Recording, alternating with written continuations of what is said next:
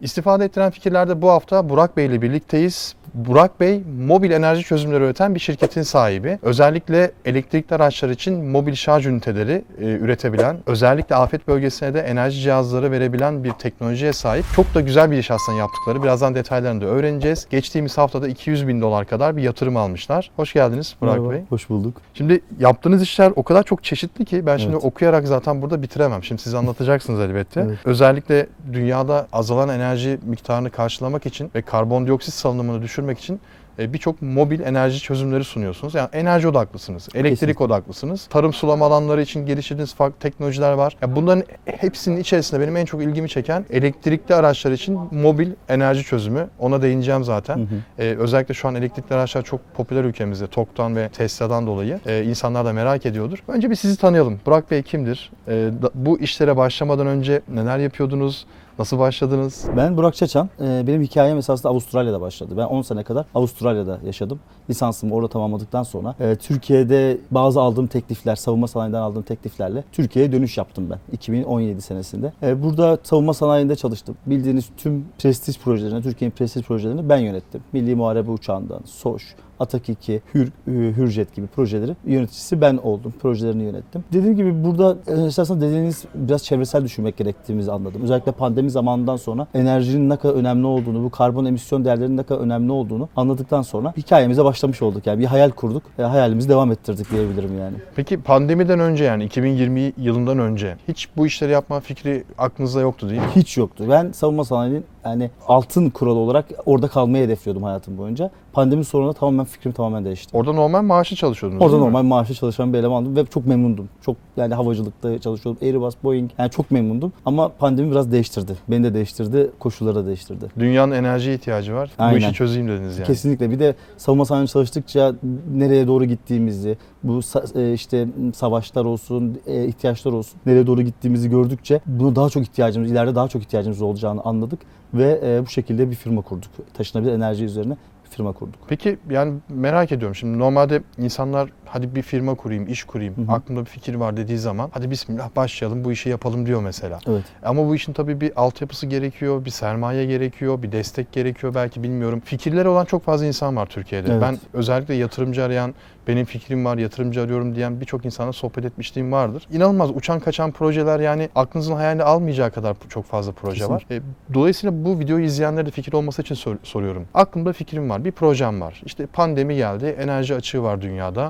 Çevresel kirleticiler çok fazla var. Ben biraz daha böyle salınımları düşüren e, projeler üreteyim. Biraz Hı hı. daha böyle doğaya dost işler yapayım. Bir Hı de kendi işimi kurayım, para kazanayım. Bu düşünceye sahip birisi ya da herhangi bir projesi olan birisi ilk adımı nasıl atmalı, ne yapmalı? hayal kurması lazım. Dediğiniz gibi o proje ise o projenin nereye geleceğini baştan sona olarak düşünmesi lazım. Çünkü karşısındaki herkes bu işi yapamayacağını zaten kendisi de söyleyecek. Niye olmayacağını herkes anlatacak. Ee, ben çok şanslıydım. Eşim sayesinde bana her zaman destek oldu ve birlikte bunu yapabileceğimize biz inandık. Ben savunma sanayinde gerçekten çok güzel bir pozisyonda, çok iyi maaşlar alan bir insandım. Hiçbir sermayem yoktu. Ailemden hiçbir destek yoktu. Dediğim gibi biz buna inandık ve başladık. İşi bırakmadık. Akşamları çalıştık. Yani part time olarak çalıştık. Say biraz güvenli oynadık. Güvenli bir şekilde ilerledik. Dediğim gibi uzun zaman aldı ama hedeflerimizi yakaladık yani. Peki böyle bir teknolojiyi geliştirmek için yani enerji üzerine Hı hı. bir iş yapmak için e, nasıl bir sermaye gerekiyor? Gerekiyor mu? Ee, tabii ki sermaye gerekiyor. Ee, biz dediğim gibi biz sadece maaşla, kendi maaşım, benim maaşımla devam ettirdik bunu. Aldığım maaşın işte %40'ını %50'sini yaptığımız hesaplara göre sadece işe yatırdık. 2 yıl boyunca buna yatırdık. Burada harcadık. Ee, şirketi kurmadan önce ne yapabiliriz, ne yapamayız prototipler çıkarttık. İyi bir ekibim var benim. Ben savunma sanayinden geldiğim için kendime, etrafıma,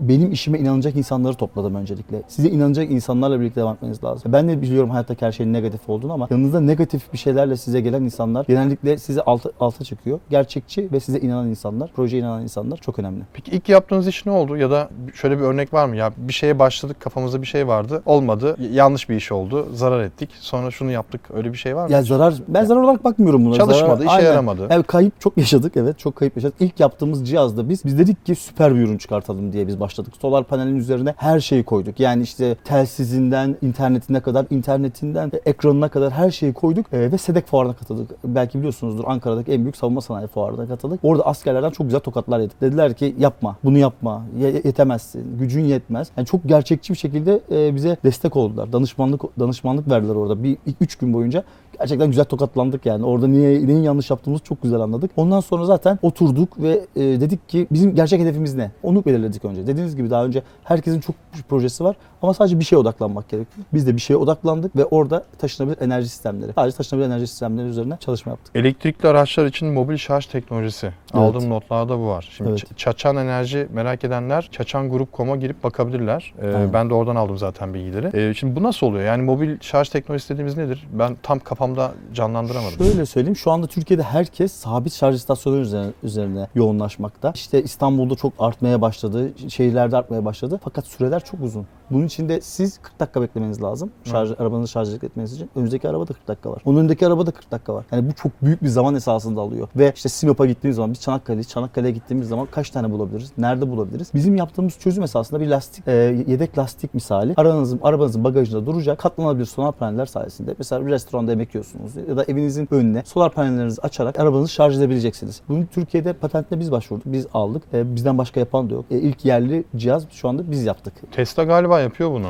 Test Çat- yurt dışında yapıyor. Hı, evet. evet. Bizim zaten şu anda rakiplerimiz çok komik bir şekilde Tesla, BMW bir de bir firma var. İngiltere'de bir firma var. Yani bunların arasında şu anda aynı ilerliyoruz. Tesla yapıyor. Onlar da test aşamasında biz de test aşamasındayız. Ya Tesla tabii çok farklı bir olay ama biz de bu pastadan pay alabileceğimizi düşünüyoruz. Prototipi var mı yani oluşturulmuş bir örnek? Prototipimizi oluşturduk. Ha, var. Mi, ara- mi araç, küçük araçları şarj etme şeyine başladık. Ee, dediğim gibi şu an Bil- Bilişim Vadisi'nde de Bilişim Vadisi de çok tek- bize destek oluyor. Bilişim Vadisi'nde de aynı şekilde TOK üzerine tamamladıktan sonra TOK üzerine çalışmalarımıza başlayacağımızı umut Tok, ediyoruz. Tok'ta. Aynen. Evet. Ben de şimdi Tesla siparişi verdim mesela. Çok heyecanlıyım. Elektrikli aracı nasıl şarj edeceğiz vesaire bilmiyorum tabii ama. Çok büyük bir sorun esasında. Sorun değil mi? Yani şu an insanlar bunu fark etmiyorlar çünkü tek tük AVM'ler şey yapıyorlar ama binlerce aracın olduğu, binlerce aracın şarj etmesi gerektiği yerde bize gelecekler. Başka şansları yok. Dün mesela Metro Market'e gittim alışverişe. Baktım orada hemen Zes'in, Zes mi diyor okunuyor tam bilmiyorum. Ee, şa- şarj istasyonu var boş. Aa dedim ne güzel boş. Demek hep böyle boş bulacağız gibi düşünüyorsun ama şimdi ortada elektrikli araç olmadığı için boş. Kesinlikle 2025'te Türkiye'nin %15'te %30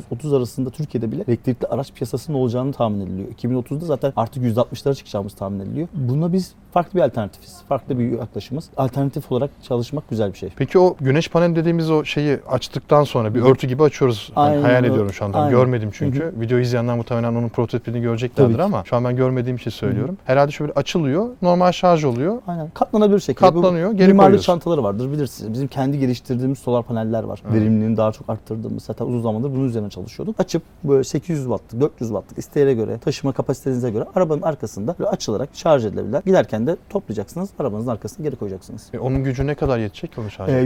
yüz- e, esasında günlük %10 olarak e, size bedava elektrik sağlayacak. Yani bu 27 kilometre kadar, günlük 27 kilometre kadar, 20 kilometre ile 27 kilometre arabanın büyüklüğüne göre bedava elektrik sağlayacak bir şekilde biz Hmm. şu anda üretiyoruz. Ve dediğim gibi prototipler bittikten sonra zaten e, piyasaya çok hızlı bir şekilde girmeyi planlıyoruz. Ya tabii günlük 27 şimdi az gibi geliyor insanlara ama hani aracını az kullanan bir insan komple aracını bedavada kullanabilir. Kesinlikle şehir içinde, şehir, Şehir dışında içi. biz bir alternatifiz. Yani y- günlük 27 bedava. Onun dışında yakaladığınızda zaten e, kaldığınız zaman bir yerde yemek yerken, yol ortasında yemek şey yaparken çok rahat şarj edebileceksiniz arabanızı istediğiniz her yerde. Peki Tesla'nın yaptığı bu çatı sistemleri var ya Evet. evinizin çatısına koyuyorsunuz şarj ediyor arabayı hem de evin elektriğini kullanıyorsun. Aynen. Ondan ne farkı var mesela? Biz de esasında aynısını yapıyoruz. Biz de şu an evler için çalışıyoruz. Biz de Öyle mi? evlere aynı şekilde şarj verebiliyoruz. Biz bunun %100 yerli yapmaya çalışıyoruz. Şu anda %60 yerlilik peşindeyim. Dediğim gibi ben savunma sanayinden geldiğim için yerliliğin ne kadar önemli olduğunu biliyorum. Ee, güneş tarlalarının dış müdahaleleri çok açık olduğunu düşünüyorum. O yüzden ben bireysel olarak herkesin Hmm. kendi evinde kendi solar paneliyle, kendi cihazıyla kendi elektriğini sağlamasını ben hayal ediyorum diyeyim şu an için. Dediğim gibi solar paneller Allah korusun yarın gün bir savaş olduğunda siber saldırılara çok açık ya da temizlenme maliyetleri çok yüksek.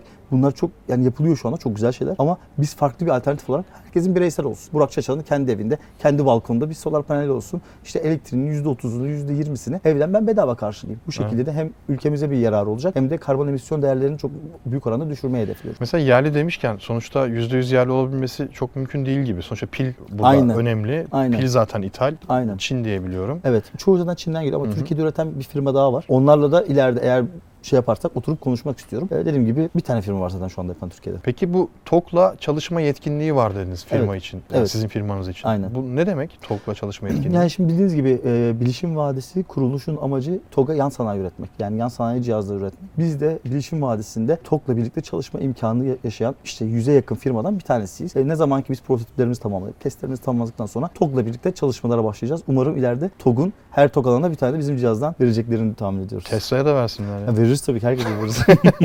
Kim isterse veririz. Güzel. Ee, şimdi dünyada artan enerji ihtiyacını karşılamak ve karbondioksit miktarını azaltmak için tarım alanlarında kullanılan sulama sistemi. Yani bir solar panel, bir teknoloji. Aynen. Esasında bu dediğim gibi taşınabilir enerji sistemleri. Mesela siz burada oturuyoruz şu an. Çal- Bu yaptığımız görüşmeyi ş- e, sahilde, dağda, bayırda yapabiliriz. Çünkü biz enerjiyi yanımızda taşıyoruz. Bizim amacımız burada enerjiyi yanımızda taşımak.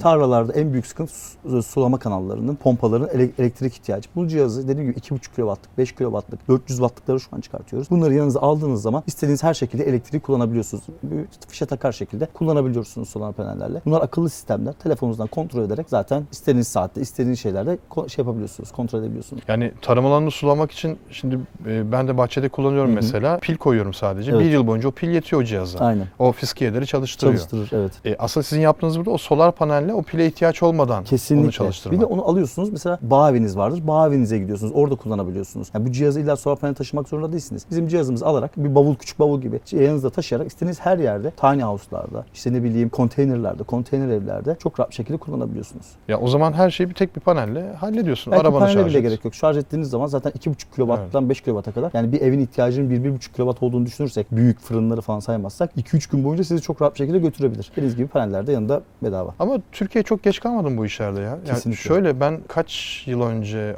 5 yıl oldu herhalde. Hı hı. Almanya'da Düren diye bir kasabaya gittim. Hı hı. Düren mi, Düren neyse. Ee, küçük bir kasabaydı. Yani köy gibi bir yerdi, minicik Hı bir yerdi ve hep Türkler yaşıyor orada. Evet. Gittiğim zaman evlerin çatılarında hep böyle siyah siyah şeyler, çarşaf gibi şeyler gördüm, plastikler gördüm. Sordum ya bunlar ne dedim? Panel dedi, güneş paneli. Ya kaç yıl önce adam pan- güneş paneliyle bütün elektriğini oradan hallediyor, evin Kesinlikle. elektriğini. Ee, biz yani şu an yapabildiğimiz en azından benim gördüğüm ve bildiğim öyle. Hı. Yani bilgim yetersize kusura bakmayın tabii. Bizim de mesela işte Bodrum'daki bir evde çatıda bir güneş paneli var. O da sıcak su O kadar. veriyor. Ama o da ne kadar sıcak su veriyor? Adam gibi de vermiyor. Kesinlikle. Yani şu an mesela yıkanamazsın. Su buz gibi olur. Aynen. Enerji kesinlikle. üretemiyor. Kesinlikle. Ya bayağı geç kaldık aslında. Çok geç kaldık. Esasında biz birkaç belediyeye gittik ve dedik yani böyle ya bizim hani bu teknoloji uygulayabilirsiniz. İşte şarj istasyonları kurabilirsiniz etrafa. Biraz yatırım maliyeti yüksek olduğu için yani 3 yılda kendini çıkartabildiği için ve seçimlerden dolayı olsun, işte politik konulardan dolayı olsun. Bunu uzun dönemli yatırıma çok sıcak bakılmıyor. Ne yazık ki çok geride kaldık. Ee, ve biz yaptığımız şey esasında bu geride kalmışlığı biraz yakalayabiliriz. Bizim gibi şu anda dünyada e, bizim gibi yapan firmalar 2-3 yıllık bir firmalar. Yani yeni enerjinin taşınabilme mantığı çok yeni bir şey. Yani solar paneller de sabit olmadan. Yani her şeyin tabii mobilite, enerji mobilitesi çok yeni bir şey aslında dünyada. Bu trendi yakalayan bir firmayız biz. Yani 2 yıllık firmalar. Tabii ki onlar 100 milyon dolar yatırım alan firmalar. Bizim gibi yani küçük başlamadılar. Ama dediğim gibi e,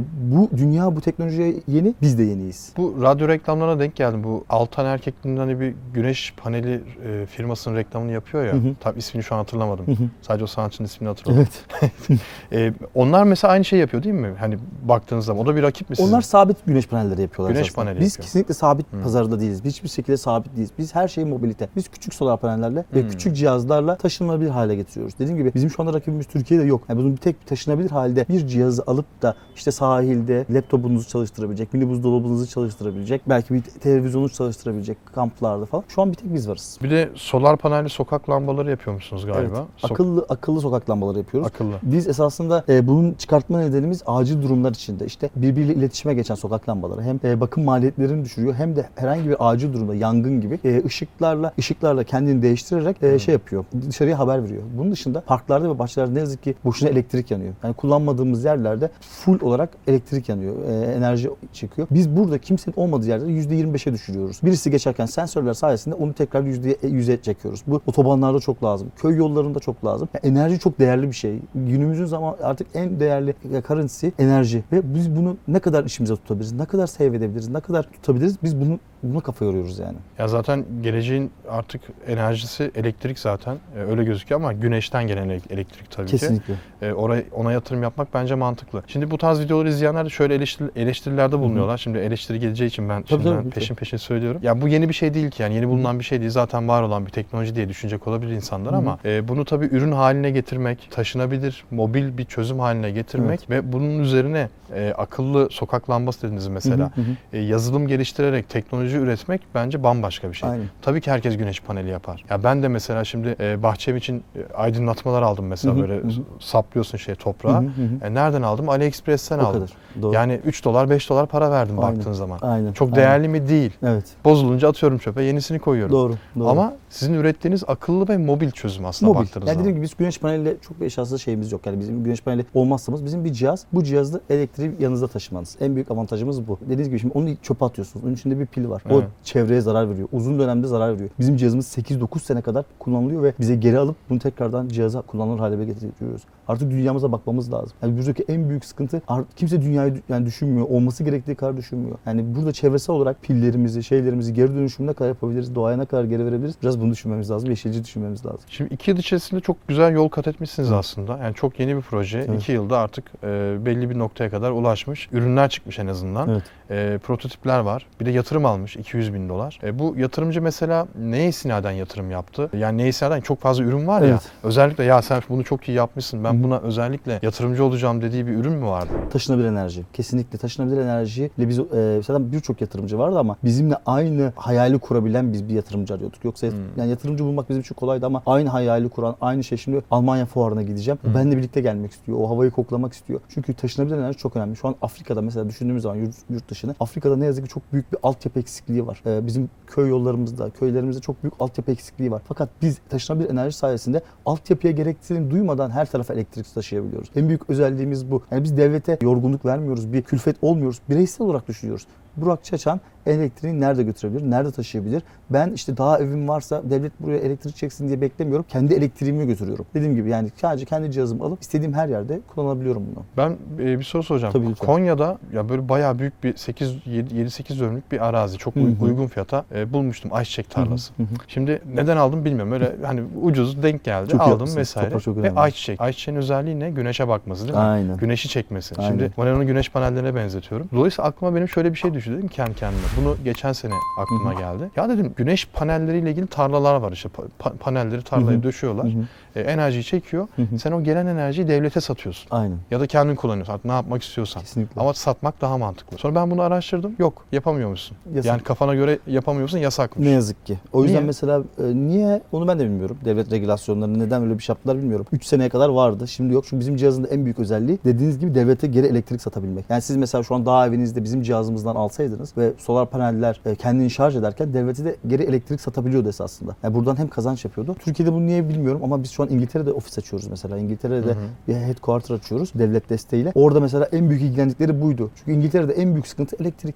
Ve diyorlar ki bize geri satacaksan biz seninle varız diyorlar yani. Eminim ki Türkiye'de de bu ileride tekrar geri gelecektir diye düşünüyorum ve umuyorum diyeyim. Tek çünkü boşa duran solar paneller niye dursun, geri satsın, geri kazansın. Ve Türkiye'de bu regülasyonun geri geleceğini düşünüyorum. Şimdi başka ürettiğiniz bir ürün daha var. O da çok ilgimi çekti. 3 ay boyunca içerisinde suyu tutarak tarım alanlarının verimli sulanmasını sağlayan Spong Earth. Bir sünger herhalde o. Bu bir e, karışım esasında. %100 doğal. Yani alıp ağzınıza atıp yiyebileceğiniz doğallıkta. Ne yazık ki biz zamanında kullandığımız bazı ürünleri, içindeki bazı gizli ürünler var, doğal ürünler. Bunları kullanmayı unutmuşuz zamanında. Hı. Ve biz bununla birlikte çok güzel bir karışım. Yani e, 22 tane e, organik madde var içinde. Bunları karıştırarak bir ürün bulduk. Ve bu ürün sayesinde esasında bu suların doğada kullanılan tarlalarda, ağaçlarda kullanılan suların uzun zamanla su tuttuğunu, içinde su tuttuğunu gördük ve kullanıyoruz. Aynı şekilde böceklenmeyi de şey yapıyor. Mesela sadece içindeki bir ürün mesela söyleyeyim. Kimsenin aklına gelmeyecek. La, e, şey var. Volkanik lava var mesela içinde. İşte bunu düşünmüyor insanlar niye kullanacağını unutmuş zamanında. Biz biraz araştırma yaptık. Biraz kafa yorunca da hani volkanik lavaların içindeki o külleri böcekleri uzaklaştırdığını gördük. Bunun gibi böyle birkaç tane dediğim gibi 22 tane farklı ürün var. E, geleceğin ürünü esasında bu. Yani tarım alanları kuraklık olduğu zaman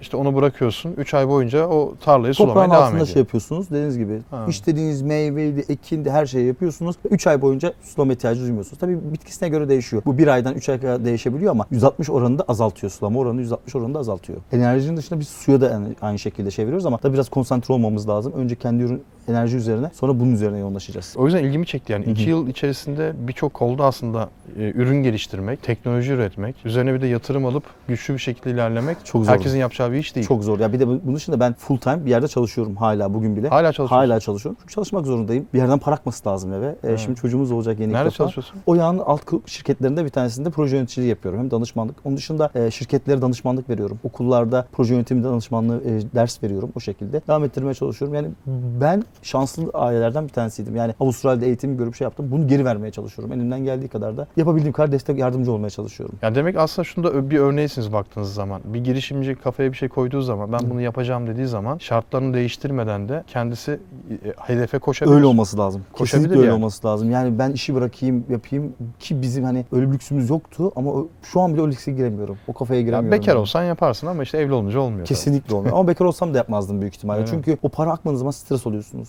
O stres olduğunuz zaman da hata yapma oranınız çok artıyor. Ben buradaki herkese bunu öneriyorum. Ee, işinizi bırakmayın. Yani yan iş olarak devam ettirin. Olabildiğince devam ettirin. Ee, zaten ne zaman o rampadan atlamanız gerektiğini zaten siz içinizde bileceksiniz yani. Peki bir girişimci kafasında bir düşünce, bir fikir varsa, kendine de güveniyorsa, cesareti de varsa, hani gözünü kararttı Hı hı. artık. Parası da var, Hı hı. sorun yok. Yani parası var derken e, en azından diyor ki ya ben 6 ay boyunca herhangi bir yerde çalışmasam da ya da ne bileyim bu iş sorun yaşatırsa da bana e, zarar etmem. Hı hı. Kendimi 6 ay güvende hissediyorum Hı hı. dedi mesela bir işe Evet. girişmek istiyor. İlk çalacak kapı neresi olacak? Çünkü yatırım alması gerekiyor, belki destek alması gerekiyor. E, şirket kuracak bir sürü e, birilerinin danışması gerekiyor. Çok maliyetli. Ne yapacağını da bilmiyor. Devlet elinden tutuyor mu? Gel madem senin böyle bir fikrin var. Gel ben seni bu yola sokayım, bu işi öğreteyim diyor mu? Ee, demiyor. Ama e, siz biraz yok- yoklayacaksınız. Teknoparklara girmeye çalışın. Benim en büyük, beni e, hayalimi canlandıran, gerçekleştiren teknopark oldu. O yüzden İstanbul e, teknopark olmasaydı ben de bu kadar hızlı bir şekilde ilerleyemezdim. O yüzden teknoparklara girerseniz en azından burada bir hap oluşuyor. Yani burada bir ortam oluşuyor. Burada ileri gitme imkanınız oluyor. Yani bir ne diyeyim teknoloji ortamına girmiş oluyorsunuz ve burada daha hızlı bir şekilde ilerleyebiliyorsunuz. Dediğim gibi eğer öyle bir fikriniz varsa o 6 ay kendiniz amorti edeceğinizi düşünüyorsanız etmez. Öyle bir şey yok. Yani her zaman daha çok maliyet çıkacak. Her zaman daha çok masraf çıkacak. Ve o 6 ay olarak yaptığınız plan kesinlikle bir buçuk yıl olacak. Yani çünkü ben de biliyorum ki yaptığım belki bine yakın proje yapmışımdır hayatımda şimdiye kadar. Hiçbir proje zamanda bitmedi. Ya maliyetten ya işte kaliteden ödün verildi. O yüzden dediğim gibi yani 6 ay bile görseniz hiçbir şekilde atlamayın. Öncelikle küçük başlayın. Küçük devam edin. İşinize bırakmamaya çalışın.